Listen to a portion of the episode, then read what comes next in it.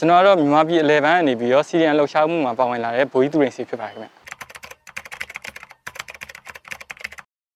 ကျွန်တော်နိုင်ငံတော်ရဲ့အာဏာကိုမတရားရယူသိမ်းမိထားတဲ့စစ်တပ်အောက်မှာကျွန်တော်မနေကျွန်တော်ရဲ့အတွက်ကြောင့်စီရီယန်လှုပ်ရှားမှုမှာပါဝင်လာတာဖြစ်ပါတယ်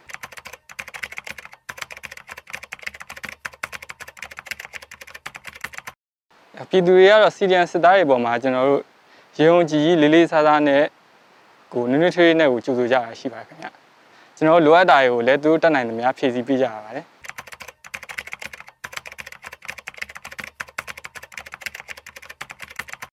အာနာရှင်လက်အောက်မှာတော့စစ်သားတွေနဲ့မကသူတို့ရဲ့မိသားစုတွေရဲ့ဘဝတွေရပါကျွန်တော်တို့လူခွင့်ရေးတွေဆုံးရှုံးနေကြတယ်ခင်ဗျကျွန်တော်တို့အာနာရှင်လူတစုကောင်းစားရေးအတွက်ပဲသူတို့ရဲ့အသက်တွေဘဝတွေပြီးတော့စတေးရပြီးတော့အာနာရှင်လူစုကောင်းစားရေးအတွက်ပဲသူတို့လူအခွင့်ရေးတွေပါဆုံးရှုံးနေရရှိပါတယ်စစ်သားတွေရဲ့ဇနီးတွေဆိုလဲကျွန်တော်တို့ဘာလာစာဘာအခွင့်ရေးဘာခံစားမှုမှမရှိဘဲနဲ့ တက်ထဲမှာလောအားပေးတွေပါ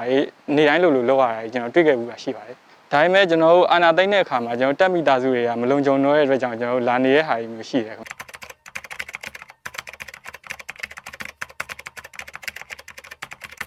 စစ်တပ်ကပြည်သူတွေကိုရန်သူပေါ်ကျင့်ကြံနေတာကတော့သူတို့ရဲ့အဲအထက်ကလူတွေကပေါ့နော်ကျွန်တော်တို့စစ်သားတွေအောက်ခြေစစ်သားတွေကိုဝါဒမှိုင်းတွေဘာသာရေးလူမျိုးရေးဝါဒမှိုင်းတွေထည့်သွင်းထားတာရှိပါတယ်အဲ့ဒီအတွက်ကြောင့်ကျွန်တော်တို့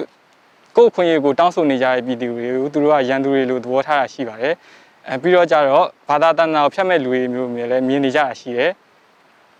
အဲပြီးတော့တိုင်းပြည်ကိုဖျက်မဲ့လူတွေတိုင်းပြည်ကိုအနောက်နိုင်ငံရဲ့အုပ်စိုးမှုအောက်ကိုရောက်သွားမယ်လို့အဲအဲ့လိုမျိုးလူတွေကြောင့်ရောက်သွားမယ်လို့ထင်နေကြတာရှိတယ်အဲအကြောင်းမလို့ရန်သူတွေလို့ကြင်ကြံနေကြတာဖြစ်ပါတယ်ခင်ဗျဟုတ်ကျွန်တော်စစ်တပ်ကိုတော့ပြည်သူ့ဘောလေးလေးစားစားနဲ့ကောက်ွယ်ပြီးတဲ့ professional army တခုလိုပဲဖြစ်ဖြစ်စေချင်ပါတယ်ခင်ဗျ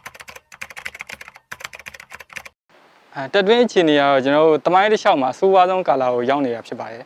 ဟိုတက်တွင်းမှာတော့เนาะစစ်မျက်နှာကြီးအများကြီးလက်ဖြန့်ထားတဲ့အတွက်စစ်သားတွေလည်းလုံးဝမနာမနေရပဲနဲ့ပြင်ပန်းနေကြပြီဖြစ်ပါတယ်သူတို့နဲ့မိသားစုတွေနဲ့မဆုံတွေ့ရလဲ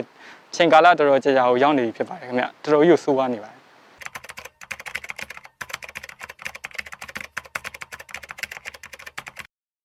နော်အခုမှထူထောင်ကစားတက်မတော်တစ်ခုအနေနဲ့ကြည့်မယ်ဆိုရင်တော့တော်တော်လေးကိုအားရစရာကောင်းပါတယ်ခင်ဗျာ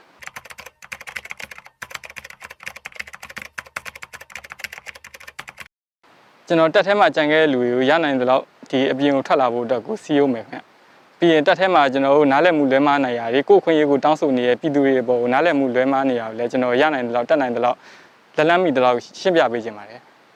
ဟုတ်ကဲ့ကျွန်တော်တို့ဒီထွက်မလာခင်အထိပေါ့နော်ပြည်သူတွေပေါ်ကျွန်တော်တို့တာဝန်မကျေခဲ့တာရှိပါတယ်ခင်ဗျစစ်တပ်ထဲမှာနေရောကြတော့စစ်အာဏာရှင်တွေကိုကျွန်တော်ထောက်ပံ့နေတယ်လို့ဖြစ်တာဖြစ်ပါတယ်ခင်ဗျအဲ့အတွက်ကြောင့်လည်းကျွန်တော်တောင်းပန်ချင်တာရှိပါတယ်ခင်ဗျရေတော်ဘုံအောင်ရမည် ရေတော်ဘုံအောင်ရမည်